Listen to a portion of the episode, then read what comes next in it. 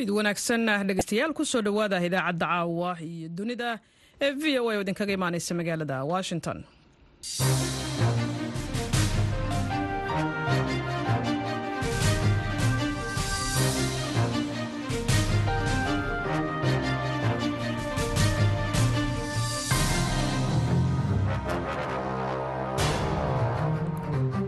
fiidnimo talaada ah saddexda bisha oktoobar ee sanadka waxaad naga dhegaysanaysaan mawjadaha gaagaaban efemyada magaalooyinka geeska afrika iyo bogga v o a somaly com saacadda afrikada bari waa toddobadii fiidnimo idaacadda caawa waxaa idin daadihinaya aniga oo ah caashe ibraahim aadan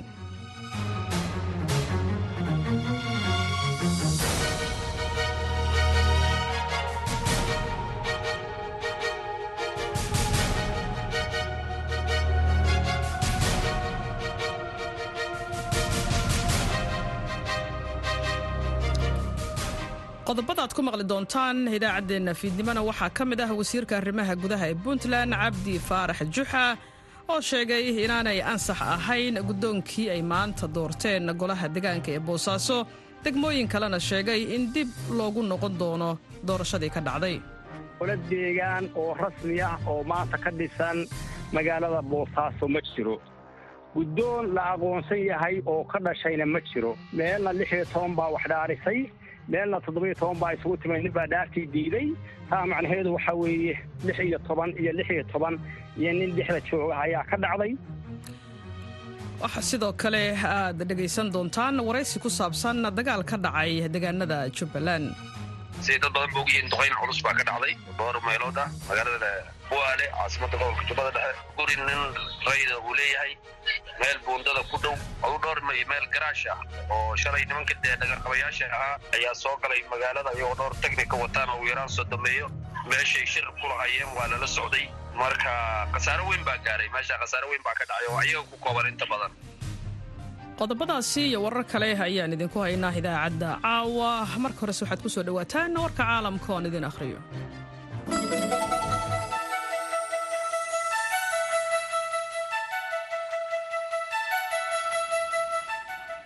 Koox maxaabiista oo horey ugu xirnaa xabsiyada dalka suuriya ayaa ku eedeeyey maamulka dalkaasi in ay jir dilaan maxaabiis xanuunsan maxaabiistan hore ayaa sheegay in maamulka xabsiga uu u diray dadka ka cabanaya xanuunada.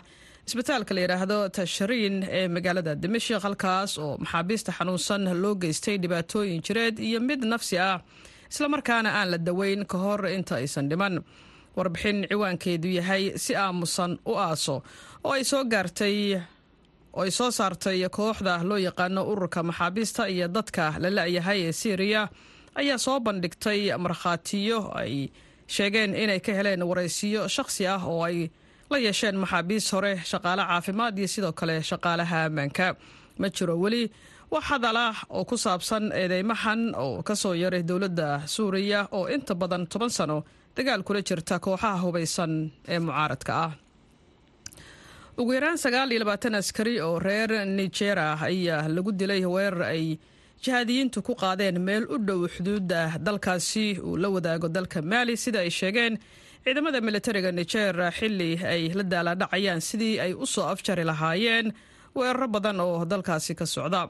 In ka badan boqol xagjiriin ah ayaa weerarka u adeegsaday walxaha qarxa si ay ula beegsadaan ciidamada ammaanka ee galbeedka afrika oo la geeyey aagga xuduudda. Oo ay ka socdeen howlgallo sifayna. Wasiirka difaaca ee dalka niger ayaa bayaan uu soo saaray gelinkii dambe ee isniintii hadalkaasi ku sheegay. Waa weerarkii labaad oo noocan oo kale ah oo lagu qaado askarta niger muddo toddobaad gudihiisa. Inta lagu guda jiro bisha kadib markii militariga dalka niger ay la wareegeen awoodda dalkaasi rabshadaha lala xiriiriyey xagjiriinta ayaa kor u kacay in ka badan afartan boqolkiiba sida laga soo xigtay goobta isku dhaca hubaysan iyo mashruuca xogta dhacdada weerarada jihaadiyiinta ee lagu beegsanayo dadka rayidka ah ayaa afar jibaarmay bishii agost. Marka lala barbardhigo bishii ka horreysay iyo sidoo kale weerarada ka dhanka ah ciidamada ammaanka ee gobolka. La yidhaahdo tilaberi oo lagu dilay ugu yaraan afartan askari oo ka tirsan dalka niger. Booliska ayaa sheegay in la qabtay qof la tuhmayo wax ka yar saacad kadib markii la sheegay in rasaastii ugu horreysay ay ka dhacday moolka la yidhaahdo siyaam baragon oo muddo dheer loo arkayey mid ka mid ah meelaha ugu weyn ee sida aadka looga adeegto bangkok. Afhayeenka booliska ayaa saxaafadda u sheegay inay gacanta ku hayaan xaaladda suuqa oo lagu iibiyo mootooyinka casriga ah iyo sidoo kale baabuurta raaxada. Waxaana sidoo kale moolkaasi ku yaalla shineemo iyo hoteelka layidhaahdo siyaam kambeneski ee shanta xidigle dhacdadan ayaa waxa ay dhacday maalmo ka hor inta aysan dadka thailand qorshaynin inay xusaan sanad guuradii ka soo wareegatay weerar qori iyo mindi lagu weeraray goob lagu xanaaneeyo dadka oo ku taala gobolka waqooyi bari oo ay ku dhinteen lix iyo soddon qof oo intooda badan ahaa carruur aan weli qaangaarin oo dhiganayay dugsiga xanaanada bishii oktoobar lixdeedii sannadkii laba kun iyo labo bayaan ka soo baxay hay'adda sirdoonka iyo nabad sugidda qaranka ee nisa ayaa lagu sheegay inay gacanta ku soo dhigeen sufyaan sheekh axmed oo loo yaqaana taakeeye oo ay sheegtay in ay waayihii dambe uu faafinaya afkaaro xagjirnimo ah oo liddi ku ah nabadda xasiloonida iyo dimuqraadiyadda soomaaliya. Sidoo kalena taageerayay sida hadalka loo dhigay khawaarijta. Sufyaan oo ah muwaadin soomaaliyeed oo deganah magaalada nairobi ee dalka kenya ee hay'adda nisa waxay ka soo dejisay magaalada muqdisho. Waxa ayna ku bilowday baaritaano iyo waraysiyo la xiriira cilaaqaadka kala dhexeeya kooxaha argagixisada ah shabakadaha kale ee ku xiran iyo sidoo kale shakhsiyaadka la wadaaga fikirkan halista ku ah guud ahaan ummadda soomaaliyeed ayaa lagu yidhi bayaanka ka soo baxay nisa nisa ayaa intaasi ku dartay nisa waxaa ka go-an in ay gudaha iyo dibaddaba ku beegsato cid walba oo gacan saar muuqda iyo mid qarsoonbala leh argagixisada kuna garab siinaya dhibaatada iyo gumaadka ay ku hayaan shacabka soomaaliyeed ayaa lagu yiri bayaanka ka soo baxay nisa toddobaadkii hore. Sidoo kale waxa ay nisa sheegtay in la soo xiray sakariye kamaal abasheekh oo lagu eedeeyey inuu hub u soo tahriibin jiray kana soo tahriibin jiray dalka kenya kaasoo lagu waayay dalka kenya maalmo ka hor. Inta aysan soomaaliya xaqiijinin in gacanta lagu soo dhigay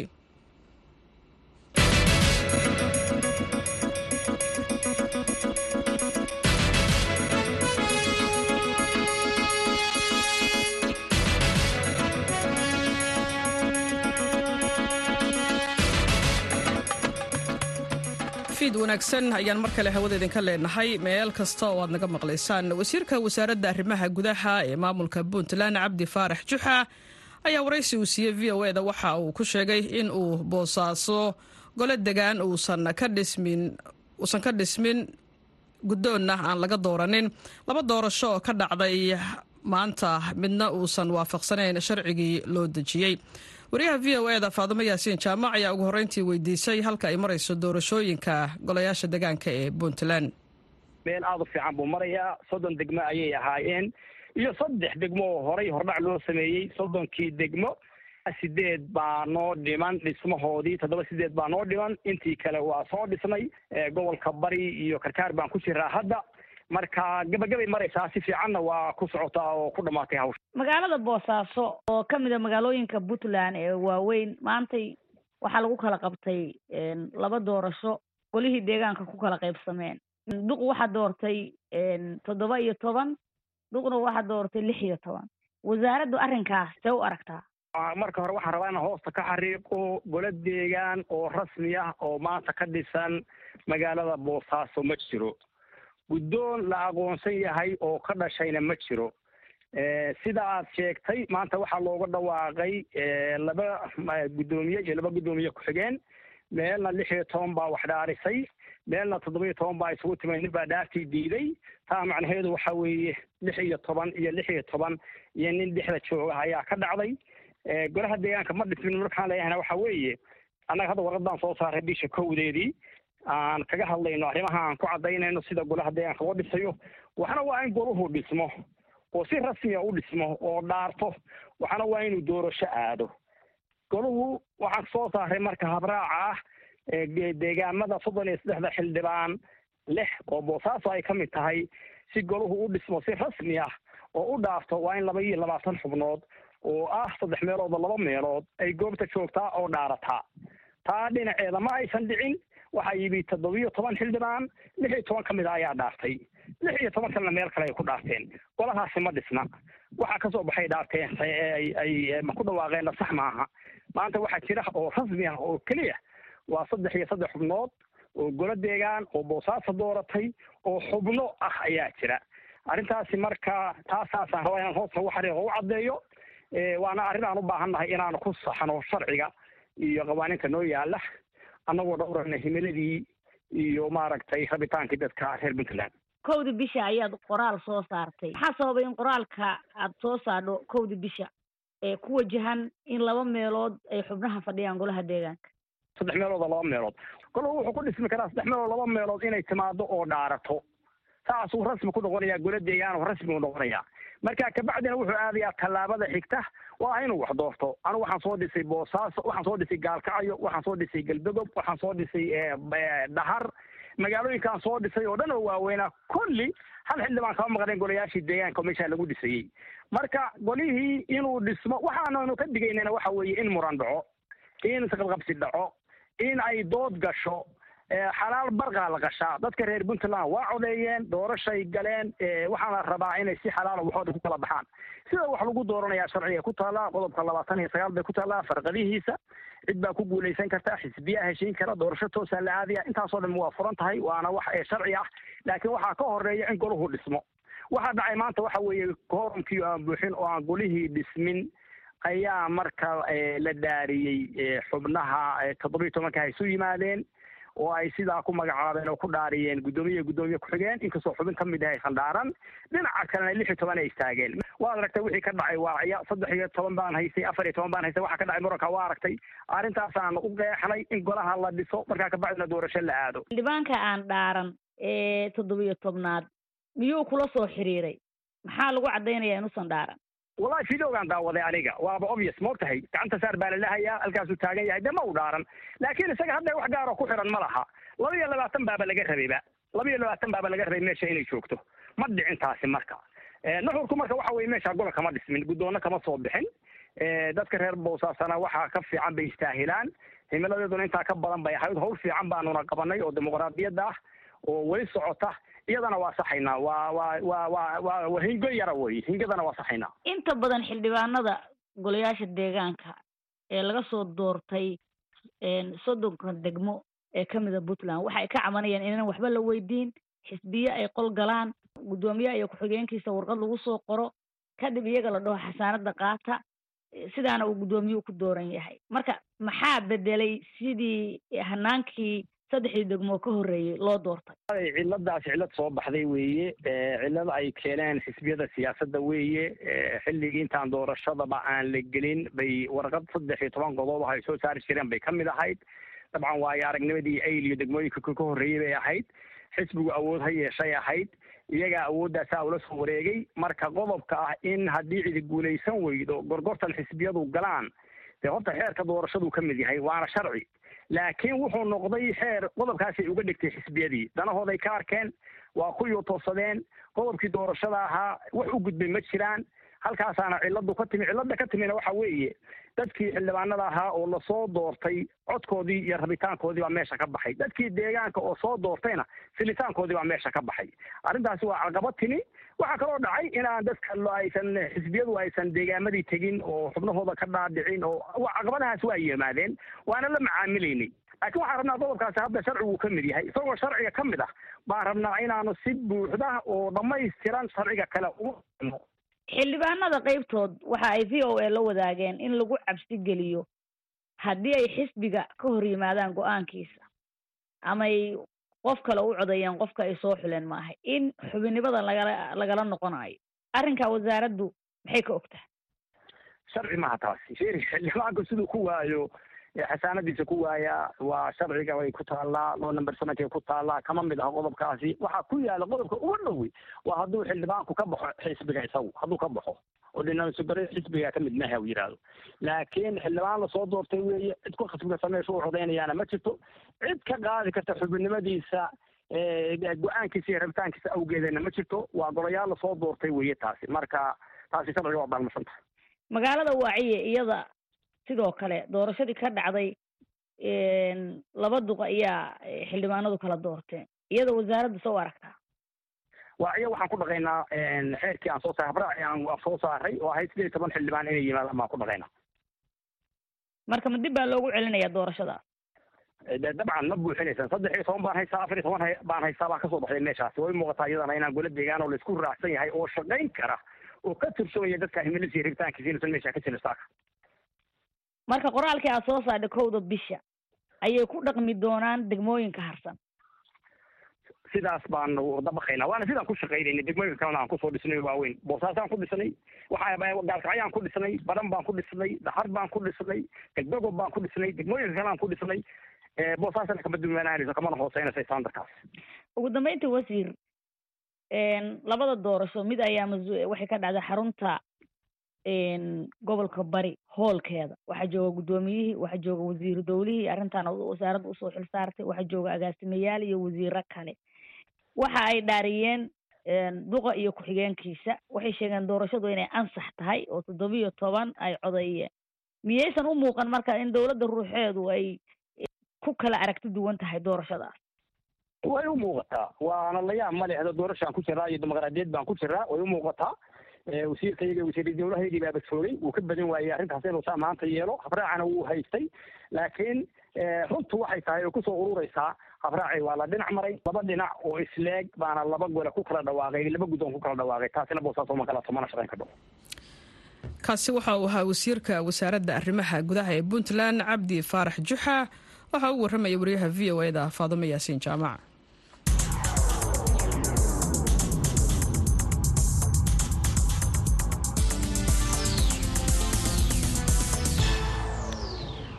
degmada bu'aale ee xarunta gobolka jubbada dhexe oo ay maamulaan kooxda al-shabaab.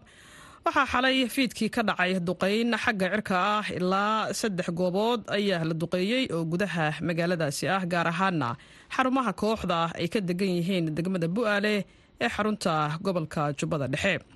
Haddaba si aanu wax uga ogaano xogo dheeraadana uga helno duqayntaasi ayaa wariyaha v o eda aadan maxamed salaad waxa uu arrimahaasi ka waraystay guddoomiyaha gobolka jubbada dhexe ugu magacaaban jubbaland ee gobolkaasi haajir bile sugaal. Waa mahadsantahay aadanow xalay tore dee siday dad badan ba ogyihiin duqayn culus baa ka dhacday dhowr meelood ah magaalada buaale caasimada gobolka jubbada dhexe. Marka saasay wax u dhaceen.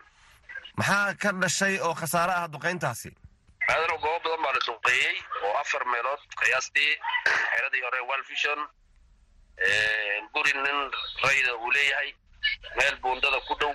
Adu dhowr meel garaash ah oo shalay nimanka dee dhagarqabayaasha ahaa ayaa soo galay magaalada iyagoo dhowr technica wataan oo uu yaraan soo dameeyo. Meeshay shir ku lahayeen waa lala socday. Marka khasaaro weyn baa gaaray. Meesha khasaaro weyn baa ka dhacay oo ayaga ku kooban inta badan. Waa tahay. Maadaama aad sheegtay in xaafad ka mid a xaafadaha la duqeeyey oo guri qof rayda uu deganaa ama uu lahaa la duqeeyey miyaanay dad shacab wax ku noqon duqayntaasi maya nin ugaas oo hadda aan ku sugnayn halkaas gurigiisu ahaa. Dee iyagu inay ku jireen ma aqaana laakiin dad rayda ma joogin saan xogta ku helayo. Marka meelaha la beegsaday iyaga unbaa deganaa dhinaca geerishka laftirkiisu maxaa khasaaroo ka dhashay? Garaska wixii yaalla way baabeen. Inta badanna iyagay ahaayeen marka khasaaro culus baa ku gaaray halkaas. Ma waxaa jiray gaadiid al-shabaab ay lahaayeen oo geerish ka yaalay ha sida la xaqiijinaya sidaa wey gaartahay waa sidee xaaladda bu'aale markaa? Xaaladda bu'aale dee way iska kacsan tahay walow iyagu dhibka ku kooban yahay. Dadka shacabkuna un jugta iyo argagaxa maahaan wax weyn oo dhiba ma jiraan. Marka dhibka iyaga un baa qabaa insha allah wayna qabi doonaan in badan. Waxaad sheegtay in halkaas ay kulamo ku lahaayeen rag ka tirsan al-shabaab. Maxaad xog ah oo aa ka heshay khasaaraha ka soo gaaray weerarkaas. Walaal arrintaa markay dhacday dee waad og tahay dad shacaba meesha ma tegi karo. Iyaga unbaa meeshay wax ka dhacaan intay isku gadaamaan unbay waxooda jabkooda qarsadaan. Hadda xaqiijin aan kuu sameeya kuu sheegi kara ma jira laakiin wixii loogu talagala wuu gaaray. Gaartahay marka laakiin dee waxa waxa cidnama oran karto. Marka dadka rayidka ilaa haddaba waxaad leedahay wax khasaare ma jiro. Maya wax khasaaro ilaa haddana loo soo sheega ma jiro. Wax weyn oon ognahay ma jiro gaartahay dhinacii shabaab iyagu maxaa khasaare soo gaaray? Ayagu dee khasaarihii loogu talagalay baa soo gaaray. Waxa weeye beegsiga sidii loogu talagalay buu u dhacay iyagu baan ku waxyeelooy waana lala socday xaaladooda in badan. Duqaymaha dhacay yaa ka dambeeyey oo fuliyey diyaaradaha fuliyey waddamadee laga lahaa? Waa waddamada soomaaliya la saaxiibka ma rab inaan hebel iyo hebel iyo iraadoon kala qadqaado gartay guddoomiyihii gobolka jubbada dhexe ayaa tahay oo hadda banaanjoog ka ah gobolkaasi maxaa kuu qorshaysan? Waxaa noo qorshaysan dee mar dhow inaan gaarno waana gaaraynaa wayna la socdaan inaan gaari rabno had waan la idmo marka mar dhow insha allahu iyagii annaga waan waan isku arki doonaa halka iyada waana tegaynaa ilahay idamkiis de inkastoo aan ognahay in xarunta gobolka jubbada dhexe ama gobolka jubbada dhexe guud ahaanba ay al-shabaab maamulaan ma waxaa jira awood dheeraad oo aad u haysaan in aad deegaanadaas ku qabataan maadaama cududa ugu weyn al-shabaab ee gobolkaasi taallo. Waan u diyaarsannahay wax walboo yaalla. Meesha waanu kala wareegaynaa insha allahu tacaala arrintaana mar dhow dadku waay wax lagu farxay ka arki doonaa hadduu ilaah yidhaah. Gartay marka waa tegaynaa meesha ilahay qowlkii. Waxaad moodaa in dhowr dhowr jeeroo hore sidan oo kale aad u sheegteen in jubbada dhexe aad tegaysaan. Hadalkaaga hadda muxuu kaga duwan yahay kii hore? Run weyo way dhici jirtay laakiin hadda markay ugu rajo fiican tahay weeye. Waxa weeyaan marka ugu rajo fiican tahay weye waa u diyaarsannahay arrintaa ayada dee. Dadkuna waa og yihiin. Marka insha allahu waa markay ugu rajo ficneed waana tegaynaa insha allahu safarkan. Maxaa dhibaato oo ka jira hadda deegaanada jubbada dhexe? Inta aad ka war hayso dee inta soomaalida ay ku hayaan unbaa ka jira. Waad ogtahay soomaalida dhibkay nimanka ku hayaan inay waxooda la leeyihiin inay iska dilayaan qofkay doonaan inay afduuqanayaan caruurahooda inay ka kaxaysanayaan oo maanta dagaalada ku laynayaan ujeeda la'aanta diin la'aanta marka dhib ugu yara dadka isaga ciqaab wixii ku filan way qabaan. Gartay marka insha allahu ciqaabtaas waa un taxam adduunka ka mida weeye way ka bixi doonaan ilahay idamkiisa ma dhowaan. Ma jiraan dhibaatooyin bani aadamnimo oo jubbada dhexe ka jira? Aad bay uga jirtaa. Cid wax ka qaban kartaan jirin maray nimankaa joogaan laakiin dhibaataynta ha ahaato. Waxaan kaloo kaga faa'idaysanayaa waraysigan. Daadad baa soo foolle sida la sheegahayo iyo duufaano iyo heliliin oo wax lagu lagu mataalay. Waxaan rabay inaan codar ku gaarsiiyo dadka jubbada dhexe inay meelaha tooga iyo meelaha biyo mareenka iyo ay ka fogaadaan taxadarna qabaan oo arrintaana ay aad ula socdaan gartay. Iyo dhammaan jubbalandba oo howlahaas loo diyaar garoobay insha allahu tacaala shar waxa weye kheyr wax kaama dhibe shar u toogay baa la yiray arrintaas jirto sida la sheegahayo arrintaana dee diyaar garowgeedaan rabnaa inaan dadka codeer ku gaarsiino. Haajir bile sugaal guddoomiyaha gobolka jubbada dhexe ugu magacaaban maamulka jubbaland waxa uu warramaya wariyaha v o eda aadan maxamed salaad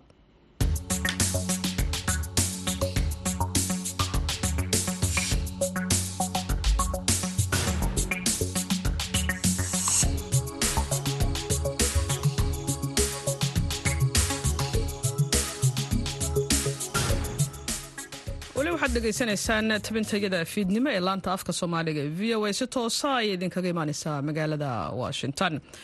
Madaxweynaha dalka kenya william ruto ayaa soo dhoweeyey go'aanka golaha ammaanka ee qaramada midoobay. Uu ku go'aamiyey in ciidamo loo diro dalka haiti ee ku yaalla gobolka karibiyinka oo ay dowladda ka awood bateen kooxo hubaysan oo dembiilayaala kenya ayaa horey waxa ay ugu yaboohday in ay hogaamiso ciidamo caalami ah oo loo diro haiti oo gaaraya kun askari. Haddaba tallaabadan ayaa haaruun macruuf waxa uu ka waraystay nuur cabdow axmed oo u dhaqdhaqaaqa arrimaha xuquuqda aadanaha kuna sugan waqooyi bari kenya. Anaga uma aragna hadda waktigan waxaa looga baahan yahay kenya loogu baahan yahay ciidamada koley haddii ay ayaga baasmareen maxaa un-ta naftigeeda standard ay police against waxay qabtaa qofkii shacabka ee meeqaa qof oo booliis ku soo hagaagi karta. Annaga ayay nagu filneen maanta marka la dhaha kenya ayaa loogu baahan yahay ciidamo. Marka in un-ta ay saas u baasmaraysa oo kenya ay ciidamadeeda qaado haddana ilaa iyo kun waxaan u malaynaa amniga looga dhacaya meel way sida aad la socoto kenya waa waddan ka mid a waddamada africa ugu maaragtay ugu magaca weyn dhaqaale ahaan ugu dhaqaalo weyn qaaradda africa caalamka door weyn ku leh. Marka haddii ay go'aankan gaadhay dowladdu si ay u kordhiso sumcadeedii dibadda una caawiso dalkan haiti oo dembiyada iyo qalalaasuhu u halakeeyey arrintaasi mid la soo dhaweeyey miyaysan ahayn wadanka laba qaybood waa qaybna waa domestic oo wadanka dhexdiisa waa qaybna dibadda waaye qaybta internationalka ee kenya waxay ka qabtaa good image. Laakiin hoos ahaan markaan soo galno waa arrin fiican haddii la kari karo laakiin dhaqaalahayna maanta annaga markaan fiiriso kenya markaad fiiriso qofkii boqolkiiba konton miyaa dadka ku nool wax hal dollar ka yar wax ku nool boqolkiiba konton way sii siyaadi kolley dowladdana kama marnaan doonta dhaqaale inay ku bixisay ciidamadaas. Marka saaka ciidamo loo baahan yahay ama sanadkan ciidamo loo baahan yahay kenya inay dhaqaale ay ku bixisa oy hayti geyso maaha maxaa wadanka geesihiisa darfihiisa dhamaalaha iyaguu ka jiraa qallaasay ka jirtaa meel waxaa ka jirta cattle rustling oo xoolaha laiska qaada meel waxaa ka jirta antiterror issues meel waxaa ka jirta organized groups gobol haddii ay wax ka dhacaan ayaa gobol kale booliis looga soo qaadaa.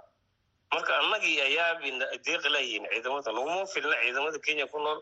Haddii la dhahaa halkii askari oo booliis meeqaa qof ayay ku soo hagaagaya annaga ayaynu u yar yihiinbo marka waktigaan uma malaynaya haddii aad dhahda international image ha waa runta. International imagega waay kenya aad ugu fiicanta inay dhisto ama diplomatic hadalla si fiican ay ugu fiican yihiin lakiin markii hoos ahaan domestic aan u imaana guud ahaan markaan ugu imaana annagana ma anfacayso maanta. Marka waxaad leedahay ciidankan mandheere iyo waqooyi bariyaa looga baahan yahay?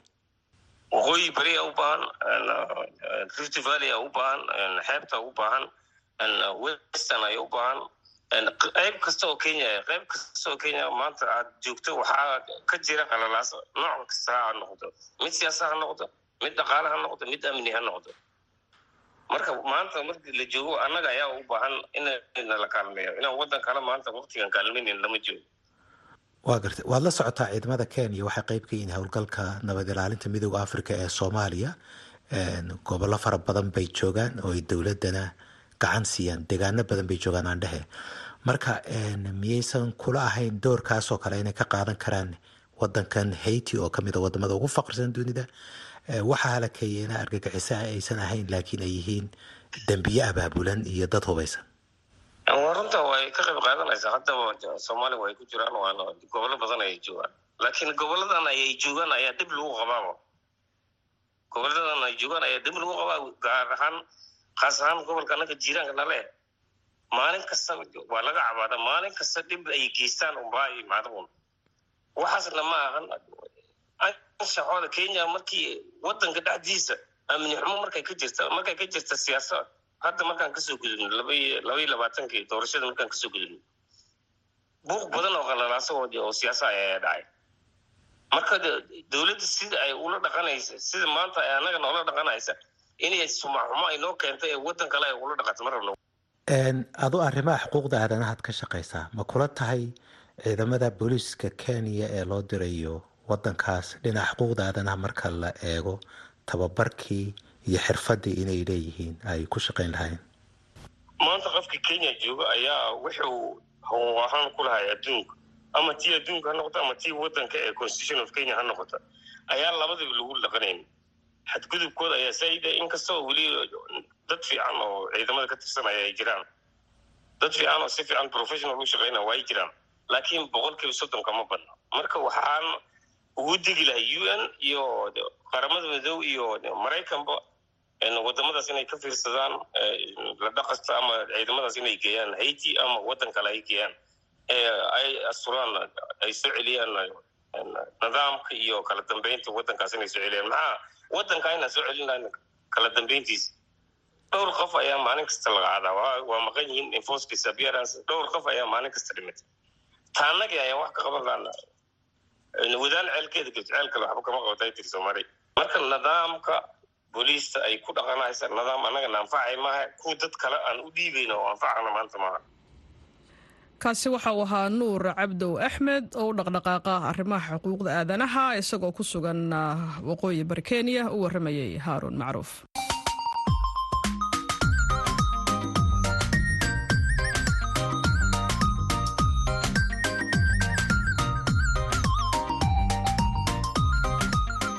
bandhiga v o a. Barnaamijka bandhiga v o a waa barnaamij idinku tala gashay laanta af soomaaliga ee v o a. Bandhigga v o a waxaad khamiis walba kaga bogan kartaa qormooyin kala duwan oo la xidhiidha taariikhda iyo aqoonta guud dhaqaalaha sharciga iyo samafalka.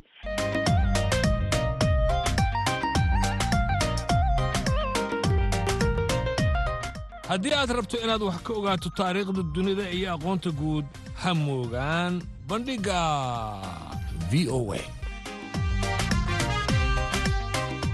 Bandhiga v o e kala soco laanta af soomaaliga ee v o e maalin kasta oo khamiis ah.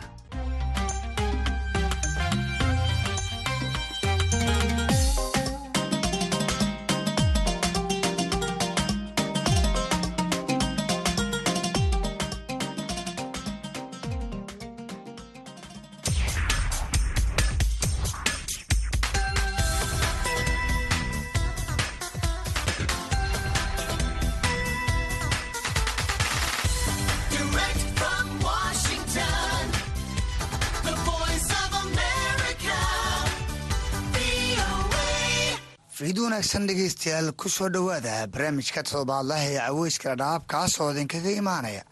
Lahaanta afka soomaaliga ee v o a rediyoga xeryaha dhadhaab barnaamijka toddobaadba waxaad ku dhegaysataan labada mawduuc ay ugu hadalheynta badan yihiin bulshada ku nool xeryaha qaxootiga.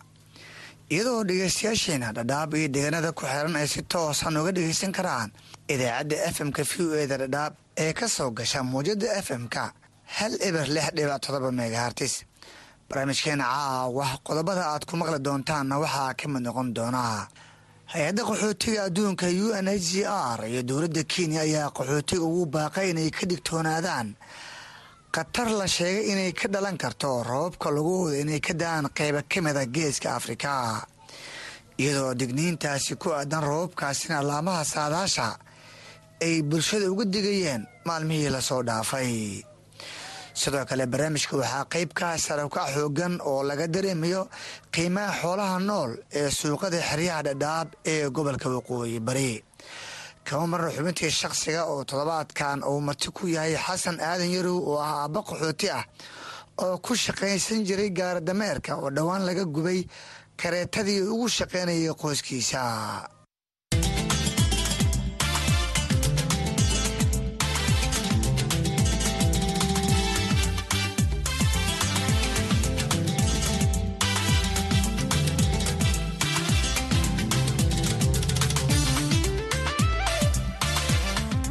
barnaamijka waxaa idiin soo jeedinayaa anigoo ah cabdisalaan axmed. Inkastoo filashada iyo dhacdooyinka mustaqbalka la xiriiro ay yihiin kuwa rabaani ah haddana waxaa soo ifbaxayaa digniino ay jeedinayaan qolyaha saadaasha taas oo ay ku tilmaameen in roobab wata daadada xoogan ay ka hori doonaan qayba ka mid ah waddamada geeska afrika. Haddaba saraakiil kale matalaya hay'adda qaxootiga adduunka u n h r iyo dowladda kenya ayaa kulamo la qaatay hogaamiyaasha xeryaha iyadoo kulamadaasina looga hadlay. Sida looga gaashaaman karo khatarta ka dhalan karta roobabkaasoo lagu wado inay horaanta bisha oktoobar ka ortaan qayba ka mid ah dalalka geeska afrika. Cabdulaahi cali aadan oo ka mid ah hogaamiyaasha xeryaha ayaa barnaamijka caweys ugu waramay kulankaasi dhex maray. U n h r iyo saraakiisha ka socotay dowladda iyo hogaamiyaasha xeryaha qaxootiga waxyaabihii looga hadlay kulankan waxaa ka qayb qaatay dhammaan bulshada reer dhagaxley dadkii matalayay iyo hay'adda u n h r iyo dowladda kenya oo iyadana ay matalaysa waaxda qaxootiga d r s hadda loo yaqaano. Marka kulanka waxaa lagu lafaguray maadaama ilniino la rajaynayo adduunyada meelo ka mid a daadad fara badan ay ka dhaceen in mataqaana dadka ay diyaargaroobaan oo dadka maskaxiyan ay u diyaargaroobaan roobabna la rajaynayo mahigaan inay imaadaan cabdulahi u n h r maxay ka sheegeen arrimaha saadaasha iyo roobabka la rajeynayo inay ka urtaan gobolka? U n h r waxay sheegeen sida ay dowladda kenya iyo qeybaha u xilsaaran saadaasha hawada in roobab fara badan la rajaynayo. Dadkana ay diyaargaroobaan dadka meelaha godaska degan ay ka guuraan. Annagana waxaan kula talinay in wacyigelin fara badan la sameeyo oo dadka lala hadlo si mataqaana annan waxaan ilaahay ka baryayna in roob kheyr qabo oo masiibo aan wadin inuu ilaahay noo keeno. Sidaan la soconno kumanaan qaxootiyaha ayaa degan dooxadii lagdheera oo dhul biimareen ah iyo meelo kaleoo godad ah. Dadkaasi maxaa qorsho ah oo u n h r ay u sheegtay in idiin hayso? U n h r hadda wakhtiga xaadirkan waxba ma hayso. Saa annaga waan u sheegnay in dadkan ay dhibaataysan ayagana way ogyihiin saad og tahay dadka badan ilaa boqol iyo afartan kun oo qof ayaa saddex hare daadsan oo weli diiwaangelintii iyo hadda dowladda kenya ay ku wadaa dadkaa weli hoy lama siinin musqulo ma haystaan guryana ma haystaan. Banaan cidla ay degayn haddii roobka uu imaado dadka halis bay ku sugan yihiin. Waxaan ka codsanay u n h r in dadkaas wax loo qabto oo hataa guryo loo dhiso. Musqulona loo dhiso ana marka walaaca anaga u weyn waa dadkaas oo banaanka qaxootiga dhagaxley banaankeeda qaar degan qaar ifa banaankeeda degan qaar xagadheer banaankeeda degan oo dhibaataysan aan haysanin wax gurya iyo wax caawi weli aanan helin. Marka annaga culeyskan haya dadka hore oo soddonka sadan deganaa waxaa ka dana dadkaa hadda imaaday oo aad u dhibaataysan waxna aan weli la siinin. Maamulka xeryaha ayaa tihiin maxaa idiin qorshaysan maadaama arrintan ay u baahan tahay ka hortag ama u diyaargarow xoogan annagu taanadu waa tale iyo wacyigelin fara badan aan ku samayno dadka khaasatan dadka dega meelaha godadka inay ka guuraan. Waxaa kaloon ka codsanay u n h r iyo dowladda kenya in ay sameeyaan remote ama buur meel mataqaanay oo biyo xireen ah oo la mooso qaxootiga meelaha biyaha ay ka imaadaan laga mooso. Hadduu roob u imaado si mataqaana biyaha aynu u soo fatahin la mooso. Goobihii waan naqaano waan u sheegnay waxaanu ku heshiinay inaan meelaha aan tusno ayagana ay moosaan si mataqaanay oo daadka faraha badan markuu imaado aanu qaxootiga u waxyeelaynin aad buu mahadsan yahay kaasna wuxuu ah cabdulaahi cali aadan oo ka mid hogaamiyaasha xeryaha oo igu warramay gudaha xeryaha dhadhaab ee gobolka waqooyi bari dhinaca kale fariimahaasi digniinta ah ee ka imaanaya u n h r iyo dowladda kenya ayaa si toosa u saameyn doona kumanaan qoys oo qayb ka ah qaxootiga cusub kuwaas oo deegaan ka dhigtay dhul ku yaalla dooxada caanka ee lagdheera qoysaskani oo ku nool buushash ka samaysan baco iyo xarko ayaa ka walaacsan. Digniinahan la xiriira roobku lagu wado inay ka curtaan qayba ka mida gobolka. Qaar ka mida qoysaskaasi ayaa la hadlay barnaamijka cawiijka dhadhaab carase aadan axmed ali dhahaa ee marka meel biyo galeen ah buulbakti xaggaan fadhinaa guri ma haysano. Ilaahay waa kuu roon yahay bacna ma haysano. Hadda guriga waa iga feedan yahay. Dhulkaan seexdaa. Shandaro maxasti dhulkaan seexdaa. Meel jika ah yaa saan u seexdaa. Hal gabar ayla jirtaa iyadana oo sideed ruux ay yihiin. Taasaa jirta waa dhibaysanahay cunto ma haysano waxaan haysano ma jirto. Dhibaato meeshii u ogtahay toddobaatan iyo shan sana aan ku jira anigana cimrigayga. Waa tahay xilliga aad waddanka joogta hooyo maxaad dhaqan jirtee? Ari arigina waa iga dhammaaday. Beerna waan falanayay laakiin hadda beer falow warkiis ma jiro. Anaaba hadda inay lii xambaaran jooga socodkin karayni taasaa jirta arigina waa iga dhammaade roobka markii roob da'oo meeshan lagtan lagta gowkeedaan fadhinaa adig meel taaga ma jirto biyo mareenaan dhex fadhinaa biyaha dhexdisaan ku dhex jirnaa markii roob imaado. Jief ma yaalo waxaa lagu baaqay dadkan degan lagta qarkeeda inay ka guuraan ay dhulka sare degaan. Bal ka waran inaad geedi gashaan ma awoodaan. Geedi ma gali karno anaka anaka waxaan jecelnahay in meeshayna oo nalagu biilo haddii roob imaado in bac nala siiyo ilaahay waa kuu roon yahay oo meeshayna gurina nagu dhiso saasaan rabnaa gurida maba ogolnoba anaka aad iyo aadaan u dhibaysanahay. Duqayna iyo doobkaynaba. Haliima maxamed xuseen buushley aan ana ahey intee kudegadhina meeshaan kayfor? Kaadegana waaka halo imaado. Halkeeba ka soo barakacdeen inwa waalaa ku imaane. Ilmahayna jidkaa wahii ku soo dhamaada ku soo dhamaaday waaba baaba'ne feeraha iyo korkayn dhanba dhiig hata korkayni mala waakan saana u baaba'asanahay abaarti gaxarki sohomo saxariir meeshaan daryaal u imaane gacanta inaan inoo qabta rabnaa. Ashiina wahii una qaadanahayna wal laba doolla dhexe oo bishiiba lagu cuno. Ay dhalad waxa u taraynin leewaay oo khamiidagii iyo kalfaliidayti iyo saliidii waxa dhanba oo waa la gogoynahayaaba. Waxaba muna tarahaya. Baayadaa ku joogna had bahaa ku joogna waayahay guryaha degantii bal ka waran. Maya maya maska difaac karna. Eber waaye buushaha eber waaye bacda eber waaye. Waxa hataa qorahada mina reebka hadeeda hoob daco waxba ma jiro. Bihiida waqtaa joognaa wartaa joognaa. Bal ka waran walaaca ka qabtaan in lagtii haddii roob doo idinku soo fataado. Roobka xiligaa ku jirna hadiigaa ku jirnaa laagtana biyi waa ni soo saarin. Haddii hadda biyi imaado ono meel galayna mala aad bay u mahadsan yihiin kuwaasna waxa ayeen qaar ka mid ah cododka qaxootiga ku nool deegaanka lagdheera oo u waramay barnaamijka cawiijka radhaab oo si toosa idinkaga imaanaya la'aanta afka soomaaliga ee v o a. Isaaq guliya faarax waa guddoomiyaha deegaankan buulobakti ee biyomareenka ah wuxuu aaminsan yahay in goobahan qaxootiga ay ku nool yihiin biyaha laga weecin karo haddii la xiro biyo xireenno uu sheegay in qaxootiga ay bara kiciyaan xilli roobaad kasta. Waxaan kuu sheegayaa in mataqaana dadkii abaaraha ka soo barakacay ee qaxootiga cusub ah in ay ku dul nool yihiin shakshankey xarada dhagaxley iyo dhadhaab. Waxaan kuu sheegayaa arrintan hadda la sheegaya hay'adaha ka qaylinayaan aliino in ay macnaha ay khatar ku tahay dadka aan hoyna haysanin. Haddii alla yidhaahdo wax ay haystaan oo ilaahay abuurtayna aan jirin hadda iska tuuyo fadhiga ah oo banaanka fadhiyo bacyaha iyo carshaanta iyo waxyaalaha ku jiro. Waayahay ugu horreyn isaaq waxaad sawir ka bixisaa section k ama waaxdan k halka ay ku taalo. Waxay ku taallaa yacni galbeedka dhagaxley bay ku taallaa. Lagta ay saaran tahay lagta. Marka waxaa weye mataqaanaa biyaha waxay ka imaadaan ilaa kor dheertu iyo ilaa iyo mataqaanaa halkaasay ka imaadaan marka waxaa weye waa laba iloodoo waaweyn. Mid waxaa weye waxay ku foorartaa g oo mataqaanaa bacley ayay ka soo dhacdaa. Midna dir eelo ayay ka soo dhacdaa waa halkaas mataqaanaa galbeedka. Ayay qoraxsin ay ka imaataa. Marka labadaas ayaa mataqaanaa hanuun biyahooda aad iyo aad u xoog badan. Marka waxaan soo jeedin lahaa in macnaha dusha shigshinkey oo dusheedaoo dir eela afkeeda in biyaha laga leexiyo oo kanaal intii loo jeexo lagta afka loo geliyo. Si biyaha korka imaanaya biyaha ay kanaalka ula gadoomaan oo ay lagta u aadiyaan taas ayla qurux badnaan lahayd. Marka dadka kor fadhiyo way badbaadi lahaayeen haddii arrinta ayada lagu taliyo. Waayahay tira ahaan qoysaskalka degan ilaa iyo mise ayaa lagu qiyaasi karaa.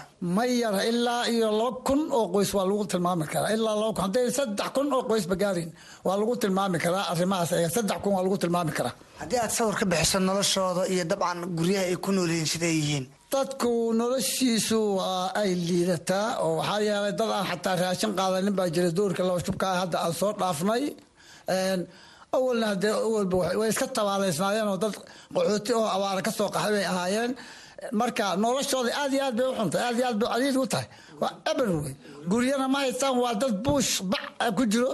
Buushka baclaan waqtigan hadda wuxuu yahay adiga bisalan waad garan kartaa xaaladiisa ninkii ku nool. Unhcr ilaa hadda weli telekoobkii baa socdaa.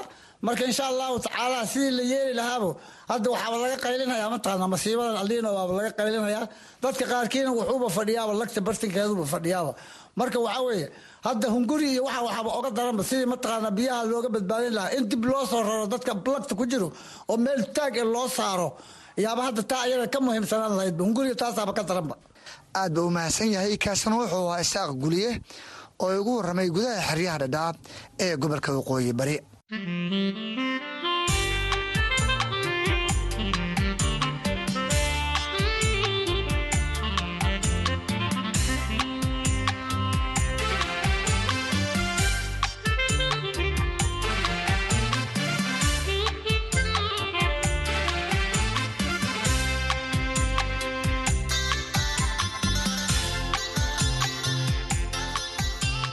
anta afka soomaaliga ee v o a. Waxaa idinku soo maqana xirmooyin kale oo la xiriira isla wararka qaxootiga balse iminka idinku wareejiyo saaxiibkay axmed cabdulaahi jaamac oo istuudiyaha igula sugan si uu nagu soo tabiyo barnaamijka qaybihiisa kale. Mahadsaned cabdisalaan dhegaystayaal waxaad nagala socotaan barnaamijka caweyska dhadhaab oo aad ka dhegaysanaysaan laanta afka soomaaliga ee idaacadda v o a. Waxaanuu barnaamijku si toosa idinkaga imanayaa xeryaha dhadhaab ee gobolka waqooyi bari ee kenya magacaygu waa axmed cabdulaahi jaamac. Ku soo dhowaada warbixinno kale oo la xiriira nolosha dadka ku nool xeryaha qaxootiga oo qayb ka ah barnaamijka caweyska dhadhaab ee toddobaadkan. Waxaa ka mid ah qodobada aad ku maqli doontaan xubintii shakhsiga oo toddobaadkan uu marti noogu yahay xasan aadan yarow oo ah oday ay nolosha qoyskiisu ku tiirsanayd. Dhaqaale ka soo geli jiray gaadiidka gaadhadameerada oo ka hadlaya saameyn ka dhalatay gaadiidkii uu ku shaqaysan jiray oo dhowaan laga gubay waxaad kale oo maqli doontaan qiimaha xoolaha oo aad qaali uga noqday seeradaha xeryaha qaxootiga iyo sababta ka dambaysa in qiimaha xoolaha uu sarakac ku yimaado. Haddii aan ku bilaabo dhegaystayaal xubinta shaqsiga xasan aadan yarow waxa uu ka mid ahaa dadka ku shaqaysan jiray gaadiidka gaadhadameerada oo duurka ka soo guri jiray qoryaha la shito ama xaabada. Hase yeeshee dhowaan ay rag hubaysani ka gubeen gaadhadameeradii ay ku shaqaysan jireen. Qoyska xasan oo noloshiisa ku tiirsanayd dhaqaalaha ka soo geli jiray gaadiidka uu ku shaqaysan jiray ayaa dareemaya saameyn ka dhalatay gaadiidkiisii la gubay. Xasan ayaana waraysiga ku bilaabaya dhibaatada ugu weyn ee hadda haysa iyo sida ay wax u dhaceen. Hadda dhibaatada i haysata waa iga dhib badan. Raaski oo waxay looga shaqaynay kareeta ay ahaayeen. Kareetadiina xaabad soo guraysi. Xaabadii oo ay wadi sababteeda lagu gubiy lacagna sii i kuma siinayn haddaana siinayna waa ku gubaynay dhaheen. Saas aawadeed wiilkii loo kareetii loo gubay. Kareetiin waxa lagu keenayn wax yara ahaayeen. Wax yaraayn hadda waan la-anahay dhibaato ti ugu xumeed adduunyada aan ku noolnahay. Goormo ayaa la gubay gareetooyinka karooyinka waxaa la gubay bisha siyeeda taarag laba habeen aheed ayaa la gubay. Yoonkaasi hadda dhaxdooda ilmihii waxay u soo qaadi lahay dukaanku soo qaadi lahay waxayn ku gudi lahay goryahaasi ay ahaayeen. Adiga shakhsiyan meeqa gareeto ayaa lagaa gubay. Shaksi aan ana kareetag liigu gubay laba habwaay labadii xaabay soo fuushi markii la gubaya gareetadaada gareetooyin kale la socday baa igu tiri meeqay dhammaayeen kuwaasuna.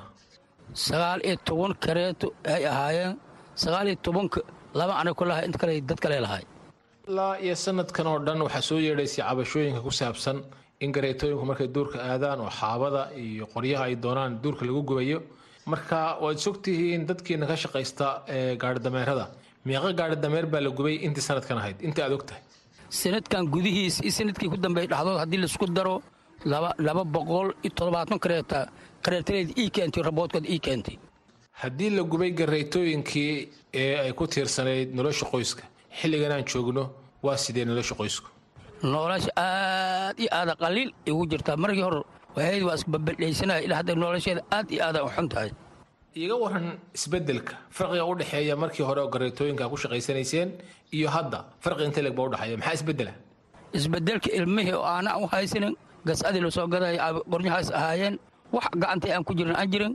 Saa irmaa maaha hal irmaa maaha keera waxaas ku soo qaadana oo qamadi oo qallal eh.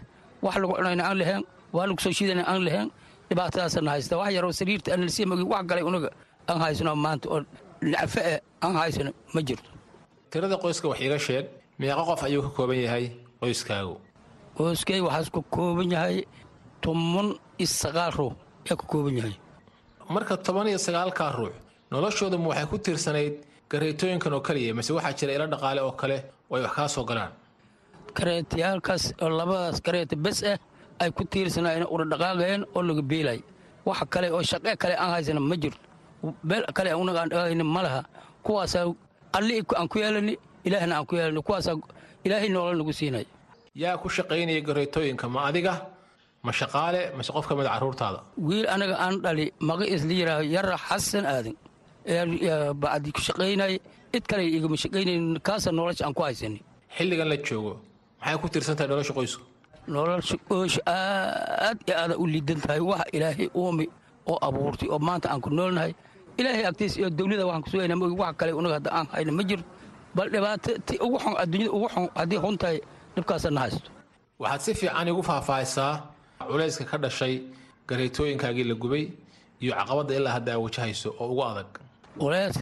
Markii kareetada la iga gubiy oleyska soo soo saari waxaa igu xun nolol xumuda iyo raashinka aan haysanin oo caanihii aan haysanin oo qoryihii aan haysanin dabkii ilmaha naftooda wax loogshaday aan lahayn meel hadda aan ku doonayna aan lahayn iyo biyahumab waan haystaa tan kale lamaad ilmihii waa rafaada igu joogaan dugsi wax uga baxsanaya ma haayo iskuul wax uga baxsanaya madarasil wax uga baxsanaya ma haayo wax bareefaad uga baxsanaya ma haayo iskuul wax uga baxsanaya ma haayo buugii qalankiina marka wax uga gadanaya baan la weysanaya dhibaatada tan haysta waa taas wax anaga aan ka dhagaagahayo mis aan ka dhaqaagayno ma jirto kolley iyo kolley waxay dariskayna kolley saasa ili tahay u malaynaa haddii kareetooyinkii lagugu shaqaynayey lagaa gubay ma jiraa ehel iyo qaraabo kale oo ku nool xerada oo aad ka hesha caawimaad hal iyo qaraabo kale hadda xeradaas aan ku noolnahay oo aawi ana siisay ma jirto. Waxa ilaahay nooga soo qaada oo hay'adda hageeda ilaahay kabacd hadda nooga soo qaada ayna siisa ma ogi dhibaatada na haysata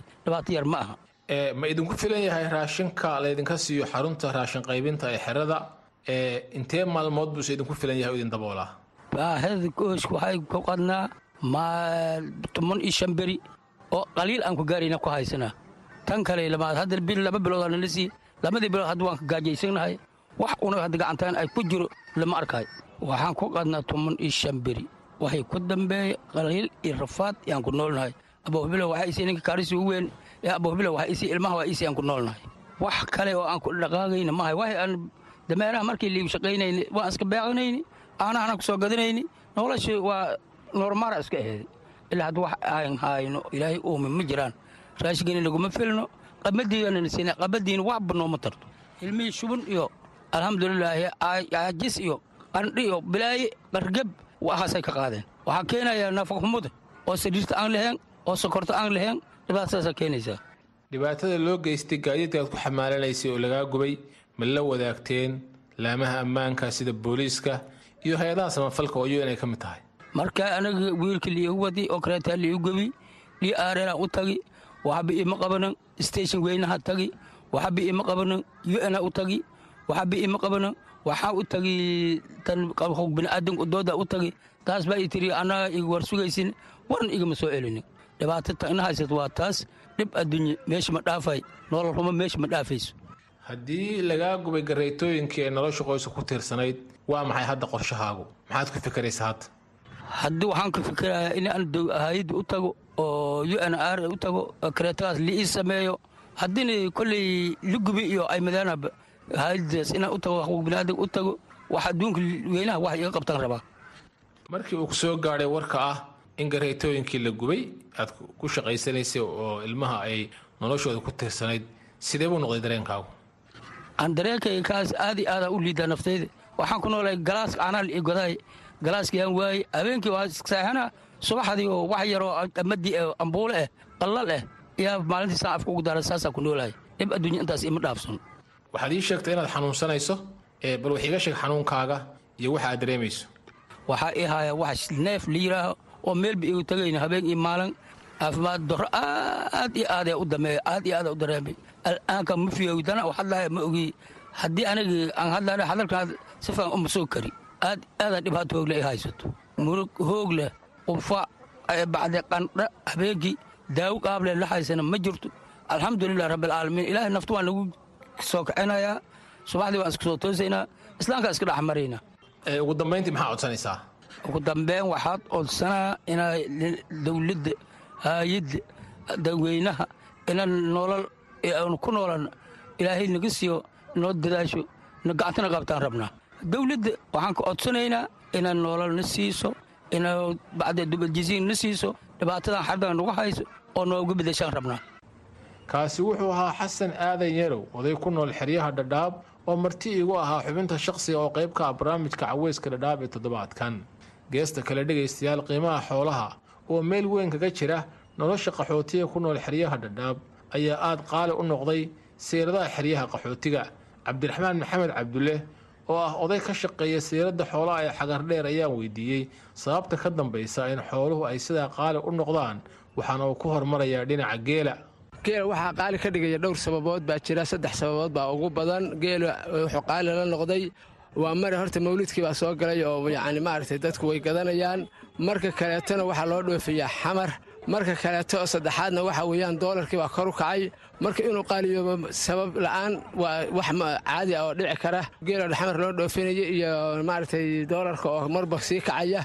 Yacni buu sababsanayaa waayo wax kastaa waa kaceen doolarkii baa kor sii socda. Markii doolarku kor kacaan xoolu wax kastaa kor bay u kacayaan siiladda lagu iibiyo geela waxaa ka jira saxmad badan iyo fallisaad ay dadka qaar ka cabanayaan.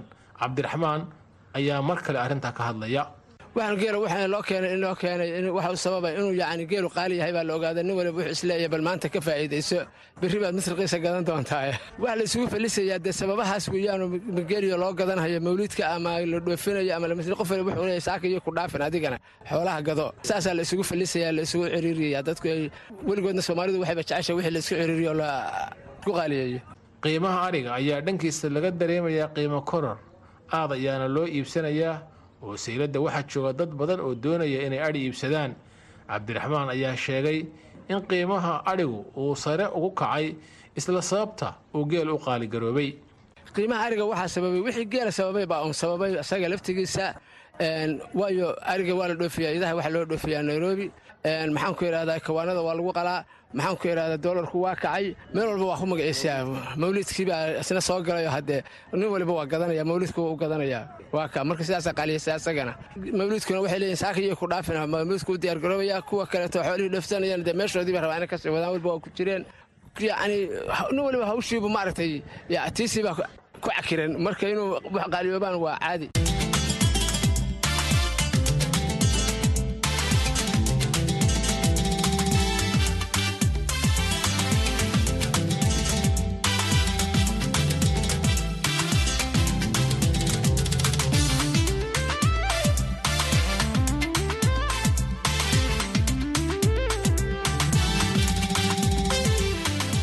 ayaa dhantaa ayuu inoogu egyahay barnaamijkii caweyska la dhaabee toddobaadkan. Intaanan ka bixin aan mar kale dib idinku celiyo saaxiibkay cabdisalaan axmed cabdisalaan cabdisalaan salas oo barnaamijka ila daadihinayey mahadsanid axmed haatanna nala dhegaysta heesta barnaamijka.